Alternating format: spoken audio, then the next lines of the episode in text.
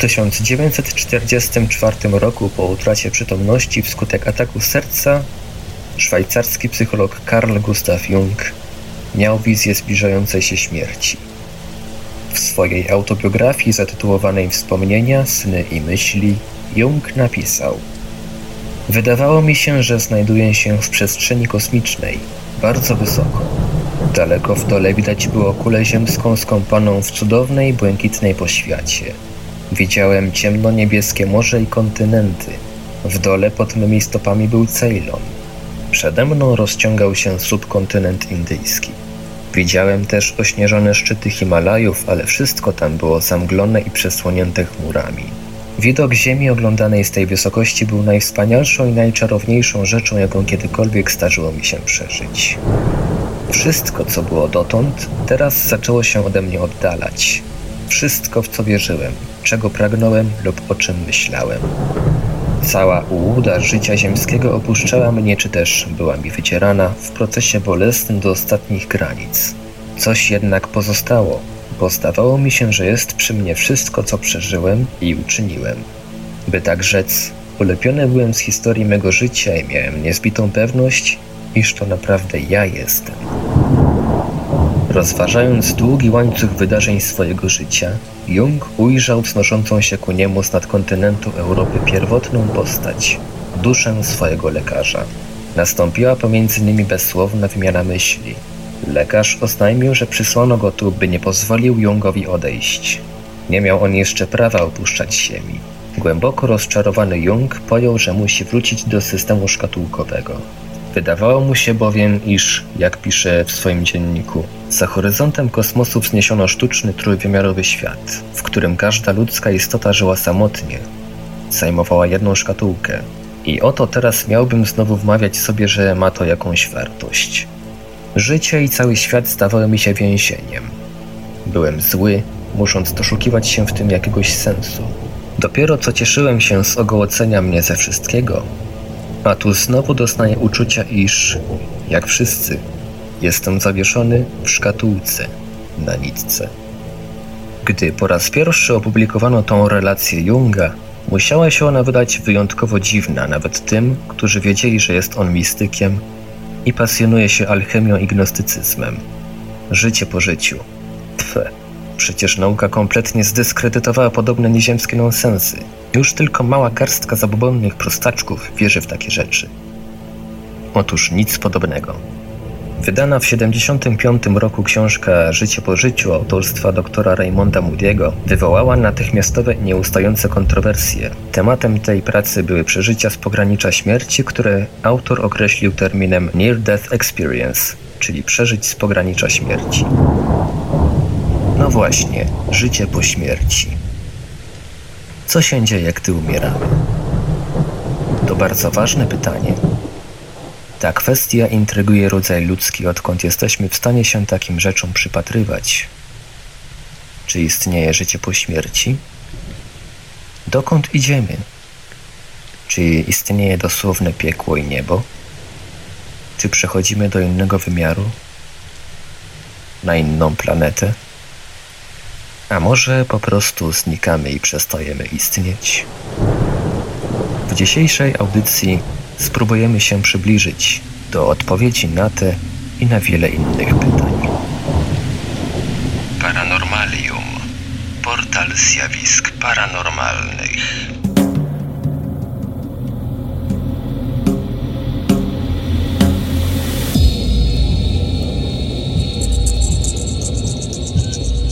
Nasza dzisiejsza audycja w całości poświęcona będzie zagadnieniom związanym z przeżyciami przedśmiertnymi i życiem po śmierci. Dowiemy się m.in. na czym polega życie pomiędzy życiami, jak reinkarnacja pojmowana jest przez przedstawicieli różnych kultur oraz co odróżnia śmierć kliniczną od śpiączki. Pochylimy się również nad prawdziwą naturą reinkarnacji oraz spróbujemy odpowiedzieć na pytanie, czy ludzie mogą wracać do życia w innym wcieleniu i czasie i czy w każdej minucie pilnują nas niewidoczne duchy, anioły lub lub inne byty. Poszukamy również odpowiedzi na pytanie, dlaczego duża część dusz, które opuściły ciało fizyczne, nie przeszła na drugą stronę kurtyny śmierci.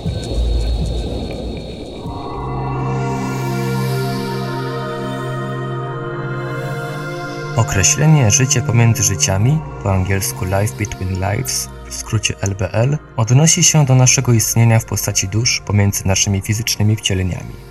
Ludzie, którzy przeżyli doświadczenie bliskie śmierci, czyli NDE, opisują podróże do innego poziomu istnienia. Często opisują wchodzenie w piękne światło i odkrywanie olbrzymiej miłości i spokoju. Często wspominają także o przeglądzie życia, które przed chwilą zakończyli, oraz o spotkaniach z ukochanymi osobami i swoimi przewodnikami duchowymi. Inni zaczynają powracać do tego stanu międzyżycia poprzez terapie regresywne. Mogą w ten sposób przypomnieć sobie planowanie kolejnego życia, które może być tym życiem, które przeżywają obecnie, oraz wybieranie celów i osiągnięć, jakich chcieli dokonać w tym życiu. Wielu z nas może uzyskać dostęp do tych doświadczeń w chwili, gdy wciąż znajdujemy się w naszych fizycznych ciałach. Poprzez regresję LBL możesz powrócić do doświadczeń, które przeżyłeś przed swoim obecnym życiem, będąc duszą pozbawioną fizycznego ciała. Najłatwiejszym sposobem na osiągnięcie tego międzyżyciowego stanu jest regresja, np. poprzez hipnozę do wcześniejszego życia. Doświadczony terapeuta LBL może Ci wtedy pomóc przenieść się do okresu końca poprzedniego życia. Od tego momentu zwykle możliwe jest zbadanie procesu opuszczenia ciała, przygotowań do przeniesienia się i wreszcie przejścia na wyższy plan istnienia. Często jest tak, że te doświadczenia możemy badać szczegółowo. Pacjenci często opisują, że spotkali przyjaciół, członków swoich rodzin, przewodników i inne istoty oraz że często doświadczali przyjemnych i zarazem poważnych, ukierunkowanych na naukę doświadczeń. Mało tego, że będziesz pamiętał, co się działo w tym międzyżyciowym stanie, w trakcie sesji LBL możesz przeżyć również pewne nowe doświadczenia. Możesz spotkać się z przyjaciółmi, rodziną, przewodnikami i innymi istotami na wyższym planie istnienia w trakcie sesji. Możesz otrzymać duchowe wskazówki, odpowiedzi na pewne pytania i ocenę, czy dobrze dotychczas postępujesz na swojej ścieżce rozwoju duchowego. Informacje, które otrzymasz, najprawdopodobniej zależą od woli Twoich przewodników i nauczycieli na wyższym poziomie istnienia, a także od Twojej gotowości i zdolności do wyraźnego odbioru tych informacji. No dobrze, może zapytasz, ale do czego jest Ci potrzebna regresja LBL? Może to być fascynujące i wzbogacające doświadczenie przynoszące większą jasność, perspektywę i zrozumienie. Z sesji LBL możesz wynieść jaśniejsze poczucie Twojego życiowego celu, nauki i rozwoju, który chcesz tutaj osiągnąć, tworzenia, które chcesz zamanifestować na Ziemi oraz miłość i inne korzyści, które pragniesz dać innym. Co obejmuje sesja LBL? W trakcie typowej sesji, po początkowej rozmowie i być może wywiadzie przeprowadzonym przez osobę przeprowadzającą sesję, wprowadzi cię ona w stan głębokiego odprężenia stan hipnotyczny. Pozostaniesz wówczas wzbudzony, świadomy i zdolny do porozumiewania się z tą osobą. Osoba przeprowadzająca sesję przeprowadzi cię z powrotem przez wcześniejsze okresy Twojego życia, być może nawet do łana matki. Zwykle następuje wówczas przyprowadzenie do poprzedniego życia i momentu końca tego życia. Wtedy możesz śledzić proces opuszczania Twojego przeszłożyciowego ciała i wszystkiego, co się dzieje potem. Możesz zostać skierowany do określonych aspektów doświadczenia LBL, takich jak spotkania z innymi, odpoczywającymi duszami, przegląd poprzedniego życia lub planowanie kolejnego wcielenia. Niestety regresja LBL nie jest przeznaczona dla każdego. Warto przed regresją wykonać jedną lub kilka sesji regresji poprzedniego życia, tzw. Tak past life regression. Sesje te pomogą Ci określić, czy jesteś gotowy do hipnozy regresywnej. Niektórzy ludzie potrzebują osobnego treningu lub większego poziomu wyciszenia, nim będą gotowi na sesję regresji LBL. Jak wspominaliśmy wcześniej, prawdopodobnie podczas sesji LBL będziesz przechodził do stanu międzyżycia od momentu końca poprzedniego życia. Najlepiej więc będzie, gdy będziesz miał już za sobą regresję poprzedniego życia i będziesz gotowy na skupienie się na następnym poziomie. Ważny jest również czynnik wieku. Według Michaela Newtona ludzie po trzydziestce często są zablokowani przez swoich przewodników duchowych i nie mogą uzyskiwać pewnych informacji, często związanych z ich celem życiowym, poprzez regresję LBL. Aczkolwiek są od tego wyjątki. Być może potrzebujemy żyć niejako w ciemności podczas pewnych faz naszego rozwoju, żeby uczyć się i wzrastać w określony sposób. Później możemy używać zwiększonej jasności naszego celu życiowego, by uczyć się i wzrastać dalej i czynić nasz potężny wkład w rozwój świata. Dr Michael Newton podsumowuje i analizuje rezultaty tysięcy regresji LBL w swoich pierwszych dwóch książkach Journey of Souls oraz Destiny of Souls. Dr Newton jest w tym polu badań głównym pionierem. Możesz również znaleźć pewne informacje na stronie The Society for Spiritual Regression, czyli Stowarzyszenia na Rzecz Regresji Duchowej pod adresem www.spiritualregression.org. Opracowała dr Lori Greenberg. Tłumaczył i czytał Ivelios.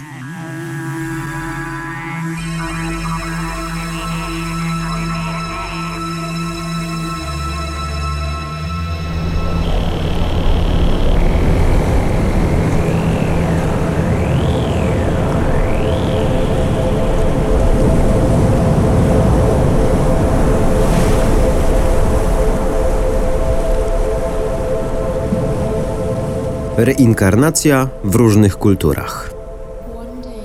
Jak wiadomo, starożytni Egipcjanie wierzyli w reinkarnację i wędrówkę dusz. Uważali, że dusza wędruje od ciała do ciała i to właśnie dlatego zabalsamowywali ciała, aby je zachować, żeby zmarły mógł odbyć podróż z Ka, życiodajną siłą, która miała być odpowiednikiem ciała towarzyszącego zmarłemu w następnym świecie lub życiu. Siła K mogła być rozważana jako równoważnik duszy. Dzięki temu wiemy, że pojęcie reinkarnacji było znane już w starożytnym Egipcie. Niektórzy twierdzą jednak, że było ono znane już w czasach wcześniejszych. Sądzi się, że wiara była najpotrzebniejszą rzeczą u ludów pierwotnych. Z pewnością już na długo przed powstaniem cywilizacji egipskiej ludzie wierzyli w wędrówkę duszy. Jeśli nie rozumieli w wystarczającym stopniu pojęcia duszy, wówczas mogli ją nazywać po prostu życiem. Osoba lub przedmiot, który się poruszał, posiadał życie, a ten, który się nie poruszał, był pozbawiony życia. Jest to analogiczne w stosunku do wiary w animizm. Stopniowo pojęcie duszy było rozwijane wraz ze zrozumieniem, że dusza opuszcza ciało w momencie śmierci i wchodzi do ciała w chwili narodzin. Wkrótce później uwierzono, że dusza pozostawiająca trupa będzie poszukiwała innego ciała, aby do niego wejść, lub wejdzie do ciała zwierzęcia, będącego niższą formą życia. Sądzono też, że dusza opuszcza ciało podczas snu. W tym znaczeniu duszę wyobrażano sobie jako parę, która wchodzi i wychodzi przez nos i usta. Później powstało pojęcie, że dusza znajdująca się w niemowlęciu pochodzi od zmarłej, spokrewnionej z nim osoby. Pomogło to wyjaśnić podobieństwo fizyczne poszczególnych członków rodziny. Terminy reinkarnacji i transformacji duszy, szczególnie w odniesieniu do ludzi, są synonimiczne. Reinkarnacja to nie jest jednak dokładnie to samo, co metamorfoza czy zmartwychwstanie. Metamorfoza jest z grubsza przemianą jednej formy życia w inną. Zmartwychwstanie w znaczeniu chrześcijańskim oznacza powstanie ciała po śmierci. Prawdopodobnie pierwsza definicja wędrówki duszy pochodzi od Pitagorasa, greckiego matematyka i filozofa, który nauczał, że dusza jest nieśmiertelna i jedynie mieszka w ciele, dlatego przeżywa cielesną śmierć. Jego dalsze nauczania utrzymywały, że dusza przechodzi serię odrodzeń. Między śmiercią a odrodzeniem duszy odpoczywa i oczyszcza się w Hadesie. Gdy dusza wypełni tę serię odrodzeń, wówczas jest oczyszczona do tego stopnia, że może zaprzestać wędrówki lub zakończyć cykl reinkarnacji.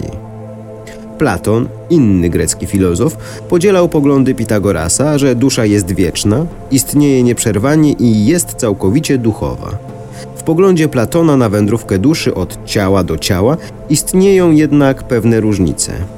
Platon twierdzi, że dusza ma tendencję do stania się nieczystą w czasie życia cielesnego, choć wiedza na ten temat była wówczas niewielka.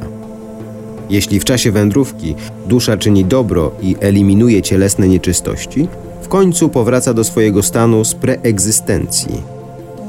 Jeśli jednak dusza nieustannie grzeszy w życiu cielesnym, po śmierci trafia do Tartaru, miejsca wiecznego potępienia.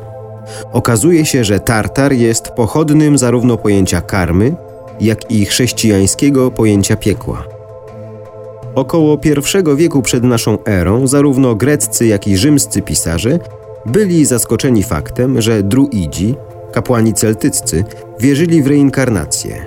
Grecki pisarz Diordus Siculus Zauważył, że druidzi uważali, że dusze ludzkie są nieśmiertelne i że po określonej liczbie lat przeżywają drugie życie, przechodząc do innego ciała. Grecki filozof Strabon zaobserwował, że druidzi uważali, że dusze ludzkie i wszechświat są niezniszczalne, choć czasem ogień i woda mogą nad nimi zwyciężyć. Także Juliusz Cezar pisał o Celtach. Oni każą wpoić sobie jedną z ich najważniejszych zasad, że dusze nie umierają, lecz przechodzą po śmierci z jednego ciała do drugiego. Sądzą też, że ludzie dzięki tej zasadzie są w dużym stopniu pobudzeni do dzielności i lekceważą lęk przed śmiercią. W innym miejscu Cezar skarżył się, że druidzi byli kłopotliwymi ludźmi. Trudno było ich zniszczyć. Mało jest dowodów na wiarę w reinkarnację wśród wczesnych Hebrajczyków. Później jednak reinkarnacja stała się elementem nauczania kabały. Nauczanie pojawiło się u wczesnych chrześcijan, szczególnie u gnostyków, manichejczyków i katarów. Później jednak zostało odrzucone przez ortodoksyjnych teologów chrześcijańskich. Zapytana przez studentów, dlaczego chrześcijaństwo nie uczy reinkarnacji, wiedźma Patricia Crowther odpowiedziała – Wcześni chrześcijanie nauczali o tym, o reinkarnacji i mogą tego dowodzić słowa świętego Grzegorza, biskupa Nyssy. Koniecznym jest, aby dusza została uzdrowiona i oczyszczona. I jeżeli nie dokona tego w tym życiu na ziemi, to musi tego dokonać w przyszłym ziemskim życiu. Później w roku 533 naszej ery reinkarnacja została uznana przez Radę Konstantynopola za herezję.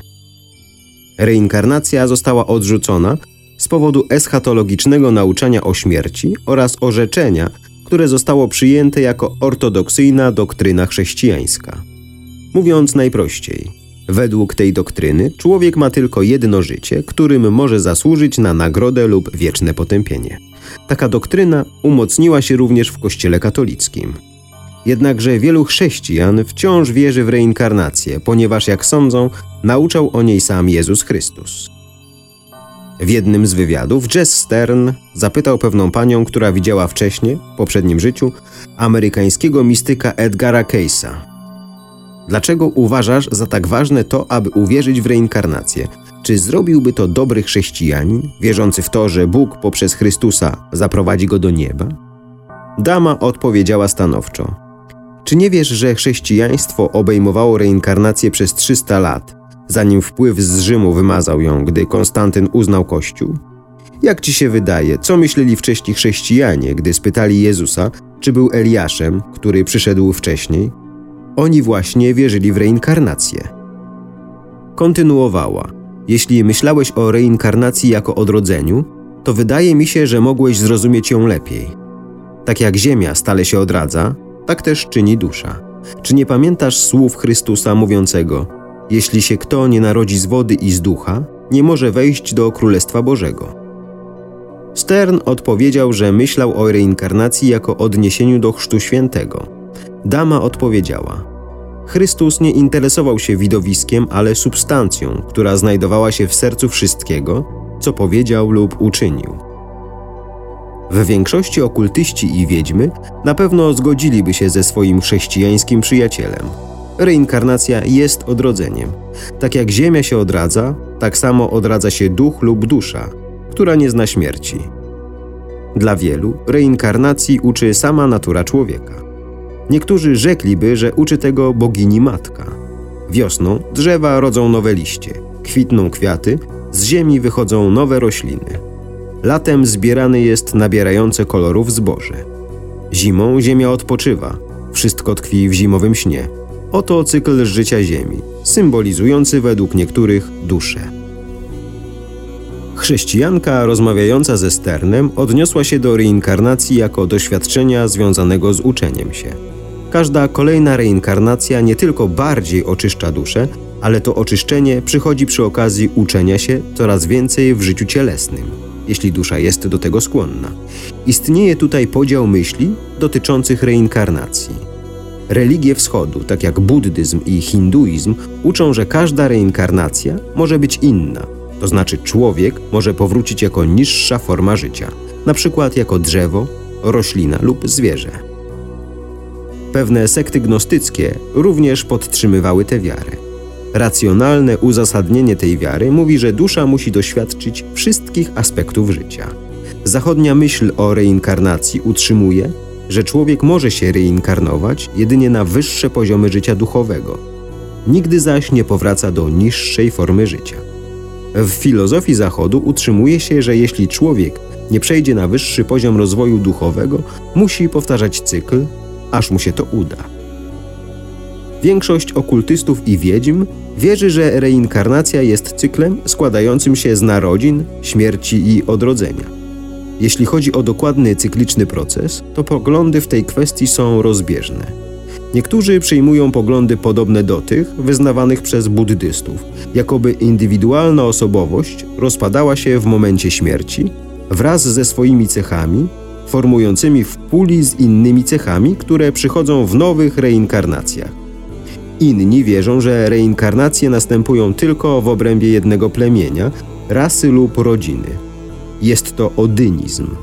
Inny pogląd głosi, że między kolejnymi reinkarnacjami istnieje okres, w którym dusza odpoczywa w stanie błogości w planie astralnym zwanym krainą lata, po angielsku Summerland, zanim przejdzie do następnej reinkarnacji. Wielu okultystów próbowało odtworzyć swoje poprzednie życia lub reinkarnacje poprzez analizę snu, medytację lub też regresję hipnotyczną. Wiedźma Sybil Lig twierdziła, że była w poprzednim życiu Madame Heleną Bławacką, współzałożycielką Towarzystwa Teozoficznego.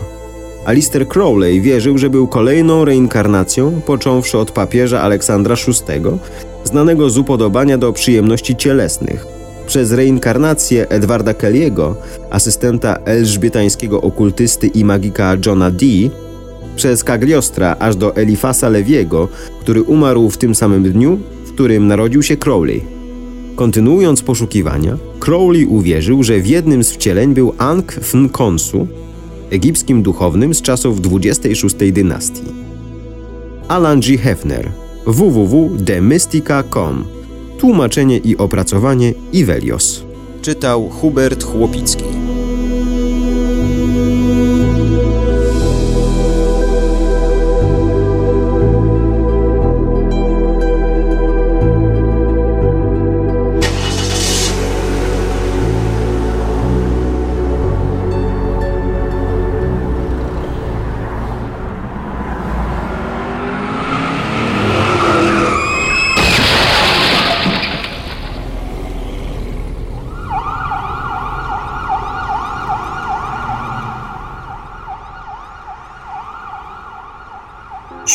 Kontra śmierć. Dlaczego nie wyglądają tak samo? Uraz głowy często jest przyczyną wejścia w stan śpiączki. Może on być wynikiem wypadku samochodowego lub nagłego uderzenia w głowę. Pacjenci, którzy wybudzili się po kilku miesiącach lub latach przebywania w śpiączce, często opowiadają innym ludziom, że nie doświadczyli niczego niezwykłego. Mówią swoim przyjaciołom i rodzinom o tym, że czuli się tak, jak gdyby spali. Ofiary śpiączki w większości nie przypominają sobie jakichś jasnych tuneli czy rozmawiających z nimi aniołów. Często wybudzają się po miesiącu, najdalej po roku. Ofiary śpiączki często bywają zaskoczone słysząc, że od momentu ich ostatniej pobudki nastał nowy rok lub miesiąc. Ich umysły wydają się tkwić w przeszłości. Istnieje wiele historii ludzi twierdzących, że przeżyli doświadczenie przedśmiertne. Wielu z nich twierdziło, że widzieli jasne światło, że z przyjemnością szli do nieba, niektórzy też twierdzili, że byli natychmiast zabierani do piekła. Interesujące jest to, że ludzie będący w stanie śpiączki umysłowej nie wspominają tego typu wydarzeń. Jaka jest więc różnica pomiędzy doświadczeniem przedśmiertnym a doświadczeniem śpiączki? Psychologia długo sądziła i nauczała, że jesteśmy na stałe przywiązani do naszego duchowego rdzenia. Tak długo, jak tylko jesteś przywiązany do tego rdzenia, tak długo możesz odbywać podróże astralne i wizualizować swoją duszę w innej rzeczywistości. Jeśli jednak oddzielisz się od tego sznura, wówczas będzie to oznaczało, że umierasz. Ofiary umysłowej śpiączki są nadal przywiązane do duchowego rdzenia i właśnie dlatego nie mogą przejść lub dojrzeć czegokolwiek po tej drugiej stronie. W rzeczywistości ich dusza i ciało odpoczywają. Przeważnie nie śnią, ponieważ sny często mogą nas uchronić przed niebezpieczeństwami i rzeczami, które mogą na nas czekać. Osoba znajdująca się w stanie śpiączki duchowo i fizycznie je odpiera. Osoba, która miała doświadczenie bliskiej śmierci, często przy umieraniu widzi interesujące rzeczy, ponieważ faktycznie jest oddzielona od ciała. Osoby takie nie mogą być w żaden sposób połączone z ciałem. Duchy nieboszczyków często są widywane w miejscach, w których ci ludzie żyli. Oczywiste jest, że jest to jakaś forma bytu pozacielesnego. Obrazy i głosy ludzi były utrwalane na zdjęciach i na taśmach. Interesujące jest również to, że te istoty, podobnie do ludzi, zdają sobie sprawę z tego, że rozmawiają z tobą, inne zaś nie mają pojęcia o tym, że obok nich znajduje się jeszcze ktoś. Większość religii uczy, że po drugiej stronie ludzkiego ciała także istnieje życie. Podobno wszyscy posiadamy ludzkiego ducha i duszę. Obojętnie, czy wierzysz w niebo, w piekło, czy nie wierzysz w nic, musisz przyznać, że istnieje wystarczająco dużo powodów, że coś może żyć poza naszym światem. Stan śpiączki umysłowej najczęściej wywołuje spokój i ułatwia odpoczynek po strasznym wypadku.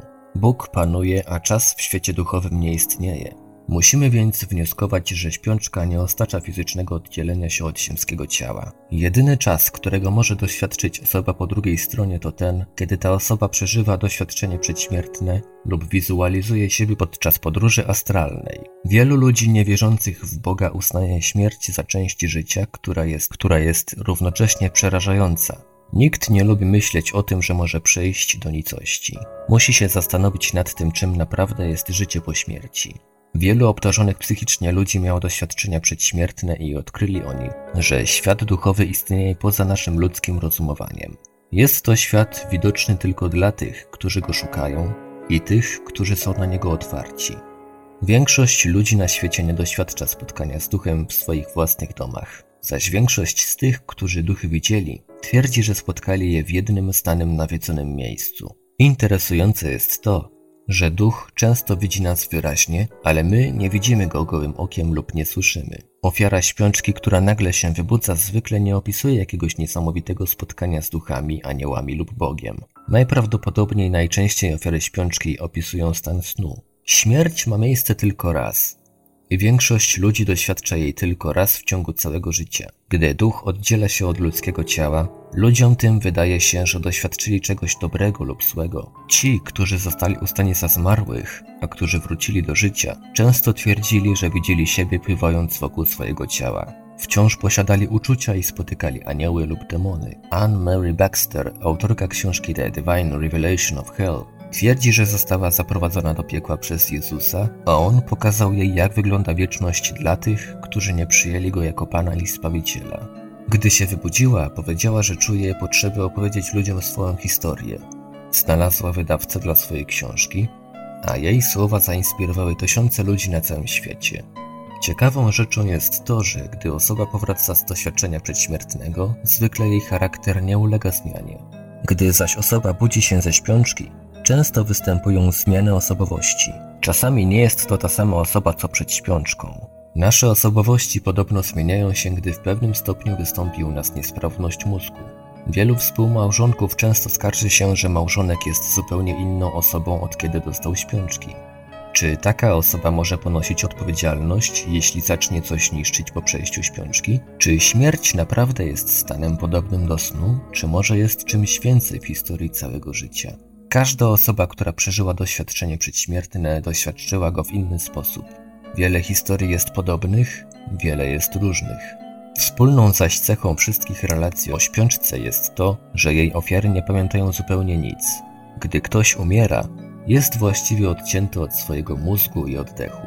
Osoba, która znalazła się w śpiączce, zwykle zachowuje normalne funkcje mózgu i oddycha. Czasami musi używać respiratora, nadal jednak oddycha. Okazuje się, że ludzie umierając doświadczają różnych wydarzeń. Zależy to od Twojej osobistej wiary. Będziesz doświadczał tego, w co wierzyłeś, żyjąc na Ziemi. Okazuje się również, że ludzie wierzący w to, że niebo znajduje się wewnątrz serca, mogą naprawdę doświadczyć spotkania z aniołami lub zaznać innego życia podczas umierania. To, co się dzieje, gdy umierasz, jest przedmiotem dyskusji toczącej się od zarania dziejów i w każdej kulturze jest przedstawiane w inny sposób. Psychologowie od dawna dyskutowali o życiu i teraz są w posiadaniu filmów i nagrań audio z głosami umarłych. Jeśli nie wierzysz w duchy, możesz zbadać zbiór nagrań dowolnego łowcy duchów. Opracował Stephen Pipernow, UFODigest.com. Tłumaczył i czytał Ivelios. Czy ludzie mogą wracać do życia jako nowi ludzie w innym życiu i czasie? Czy w każdej minucie pilnują nas niewidoczne duchy, anioły lub inne byty?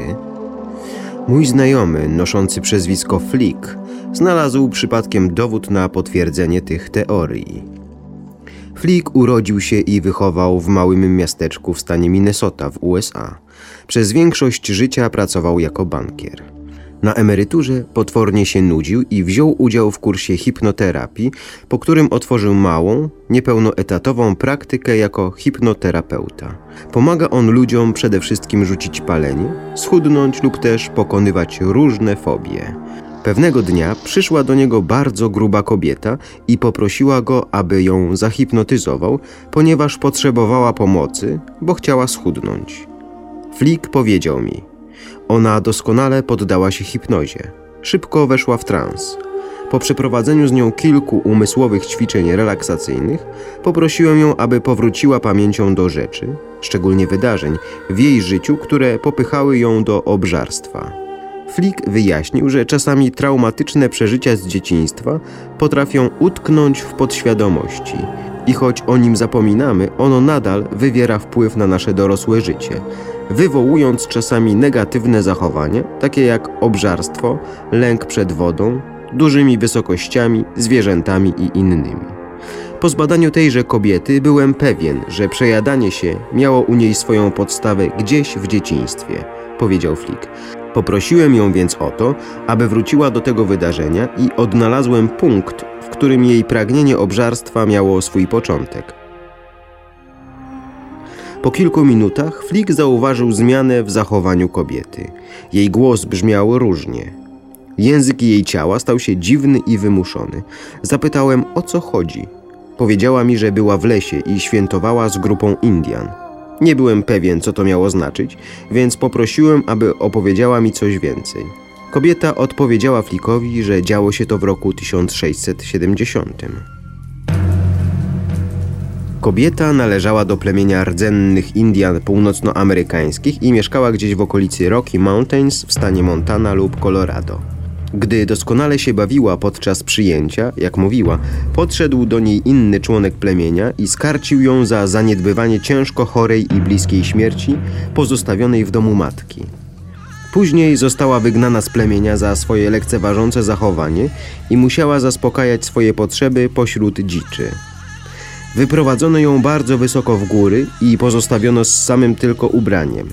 Kobieta powiedziała, że wędrowała po pustkowiu wiele dni, aż w końcu umarła powolną, okropną śmiercią głodową.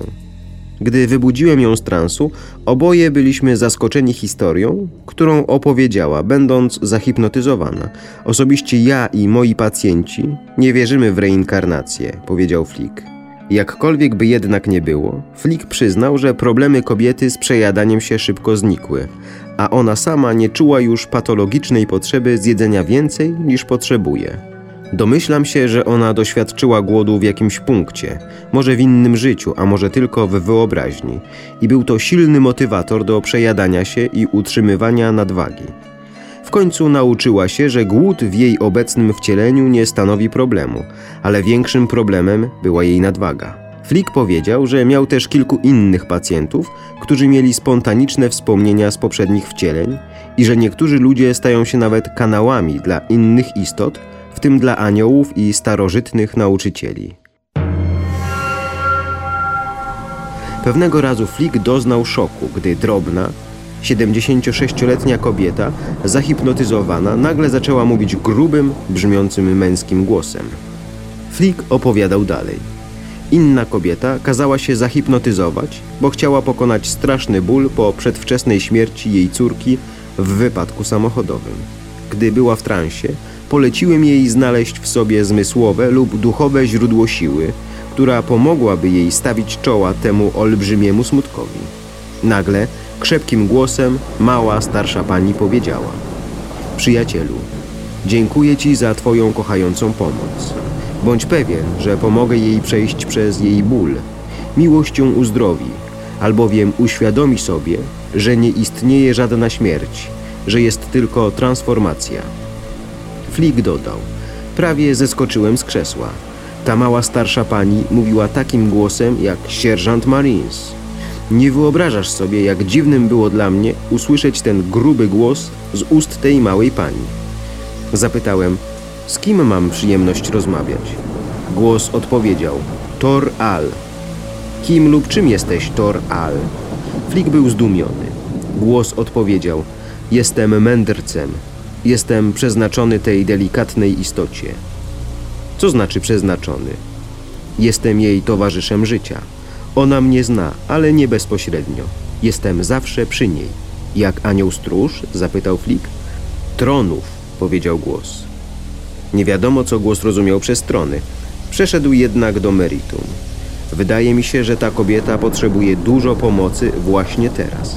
Jest strasznie zasmucona. Głos odpowiedział: Tak, ale to, co nie jest teraz oczywiste, będzie znane w szerszym kontekście jej istnienia. Śmierć jej córki służy jakiemuś celowi, tak jak smutek służy celowi większej miłości. To nie jest niemożliwe. Konwersując przez następne kilka minut z tajemniczym głosem, który nazwał sam siebie Tor Al, Flick wyciągnął kobietę z transu i polecił jej zapamiętać wydarzenie z Tor Alem.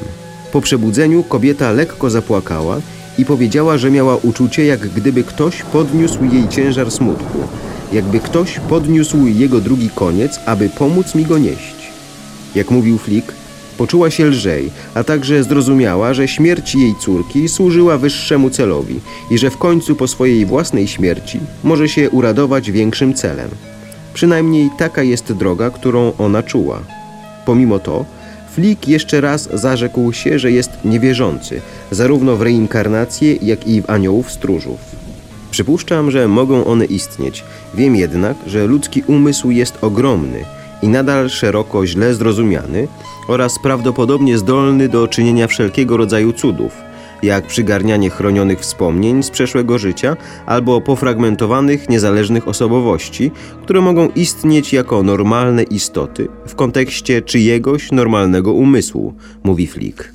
Była jednak jedna kwestia, która Flika dwa razy zastanawiała.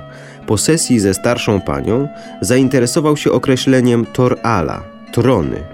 Pojechał do biblioteki i sprawdził masę książek pod kątem wiedzy o aniołach. Był zaskoczony, odkrywszy, że według starożytnej dziedziny wiedzy, zwanej angeologią, anioły przychodzą niejako w dziewięciu zgrupowaniach.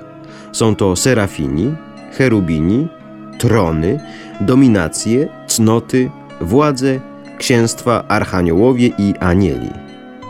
Ken Korczak.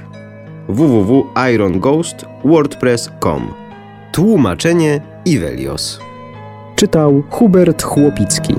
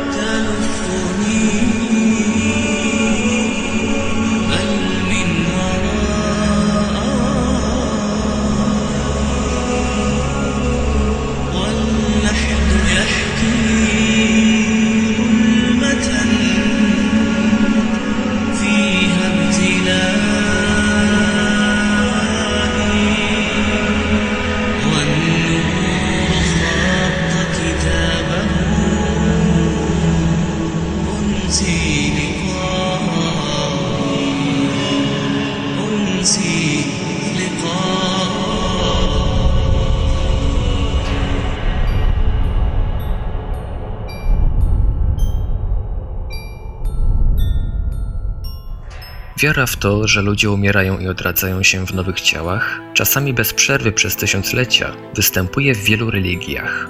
Hindusi, buddyści, animiści i wiele innych grup wyznaniowych akceptują tę doktrynę w takiej czy innej postaci, podobnie zresztą jak starożytni, m.in. Celtowie. Istnieją dowody, że reinkarnacja była kiedyś ważnym elementem judaizmu i była akceptowana przez wczesnochrześcijańskie sekty. Obecnie reinkarnacja często jest uważana za element okultyzmu.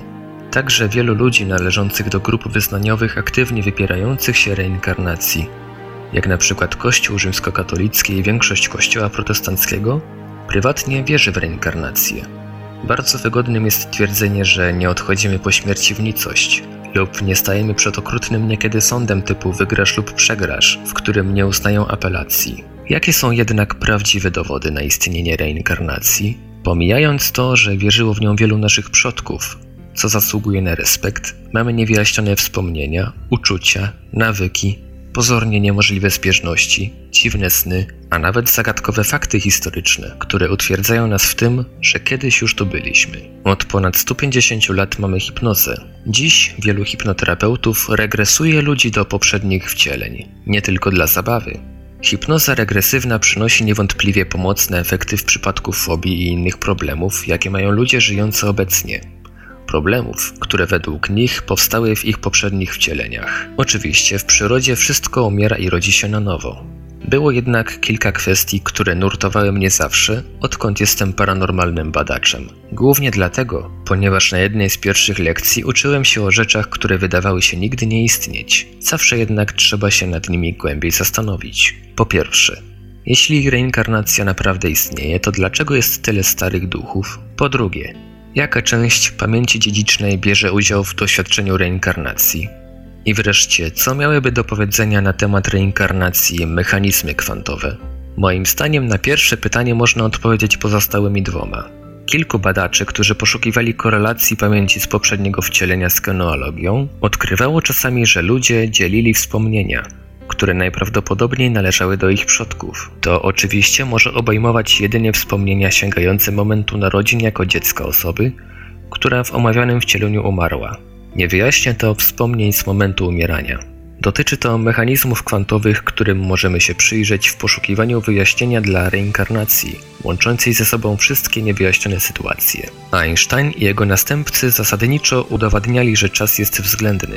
Istnieje tylko w relacji do obserwatora. Teoria struny i mechanizmy kwantowe wiodą nas do punktu, w którym nie możemy powiedzieć, że przeszłość i przyszłość kiedykolwiek istniały w jakiejkolwiek obiektywnej postaci. Skoro nie ma przeszłości, to skąd się wzięły poprzednie wcielenia? A jeśli nie ma czasu, to skąd się wzięły takie rzeczy jak śmierć? Nie mogą istnieć. Mimo to jestem przekonany, że to, co nazywamy reinkarnacją, to doświadczenia z równoległych lub równoczesnych żyć. Dokładnie tak samo jak jedna z najnowszych interpretacji mechanizmów kwantowych. Jedyna, którą moim zdaniem miałem okazję sprawdzić podczas trwających dzień po dniu poszukiwań duchów, która to interpretacja pokazuje, jak zbudowany jest wszechświat. Tak jak bańki mydlane w wannie, istnieją miliardy równoległych światów, jeden przy drugim, z nami wszystkimi w czasie i z którymi możemy wzajemnie oddziaływać. Istniejemy w wielu takich światach, Inni ludzie będący nami są postaciami naszej podświadomości i przekazują nam swoje wspomnienia i wyobrażenia. Regresja hipnotyczna po prostu łączy wszystkie wspomnienia z równoległych żyć. Jeśli jest to prawda i jeśli hipnoza naprawdę jest prawidłowym sposobem na uzyskanie tego, to czy regresyjni terapeuci nie powinni mieć jakichś podejrzeń wobec tej głębszej rzeczywistości? Oczywiście mają podejrzenia. Przez lata wypracowałem sobie cel, aby pytać regresyjnych terapeutów, czy ich pacjenci opisywali kiedykolwiek światy, których nie mogli rozpoznać. Prawie zawsze odpowiedź brzmiała tak. Czasami dostawałem masę historii o pacjentach, których odpowiedzi zniechęcały terapeutów. Były historie ludzi, którzy podawali daty z przyszłości, czasami przyszłości bardzo odległej, gdy pytano ich, jaki jest obecnie rok. Inni opisywali ludzi wciąż żyjących lub takich, którzy się jeszcze nie narodzili, i w końcu takich, którzy żyją w naszym małym zakątku kwantowego wszechświata. Coraz więcej ekspertów od reinkarnacji akceptuje pojęcie równoczesnych żyć. Moim zdaniem klasyczne pojęcie reinkarnacji jest mocno przestarzałe. Jeśli chcemy zrozumieć nasze doświadczenia bycia innymi ludźmi, to musimy najpierw zaakceptować, że właśnie takimi innymi ludźmi my jesteśmy. Myślę, że w głębi serca my i nasze religie wiemy, że to prawda. Jeśli weźmiesz cytat z Ewangelii według świętego Mateusza, rozdział 22, werset 39, który brzmi Kochaj bliźniego swego jak siebie samego i przetłumaczysz go poprawnie z języka greckiego, otrzymasz Kochaj bliźniego swego, albowiem jest on tobą.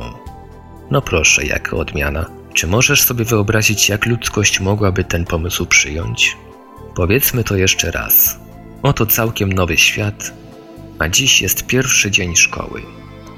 Opracowanie Paul Eno, unexplainedmysteries.com Tłumaczył i czytał Ivelios.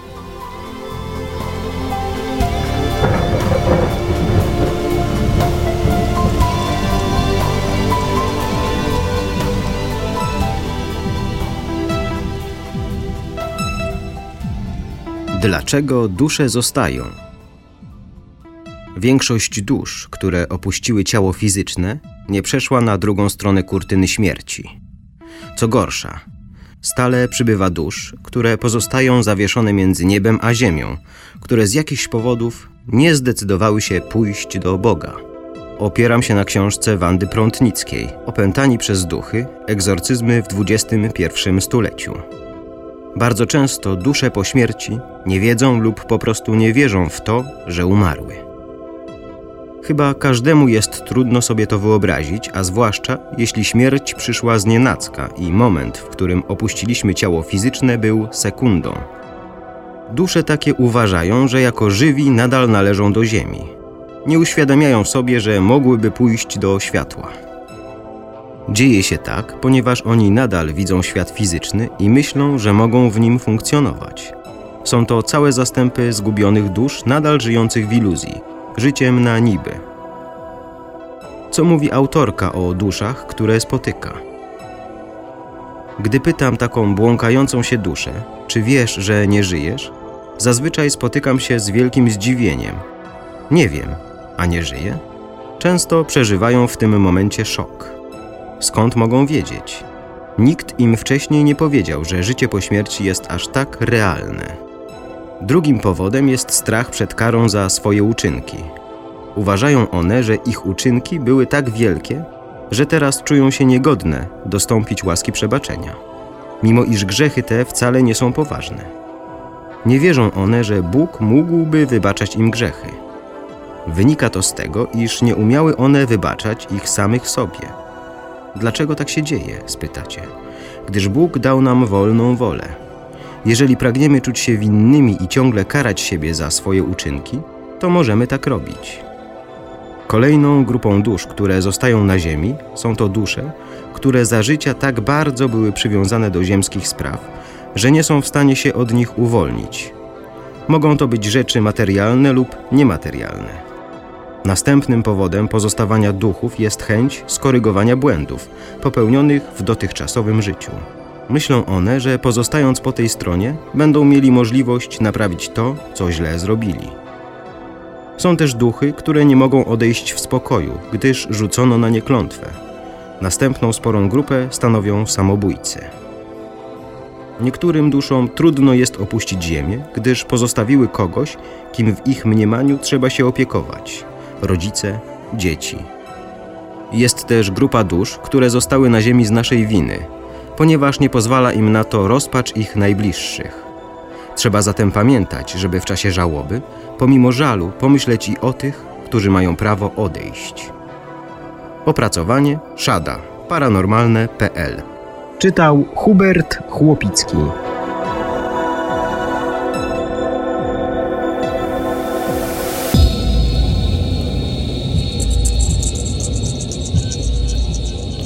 Była to audycja przygotowana przez redakcję portalu Paranormalium.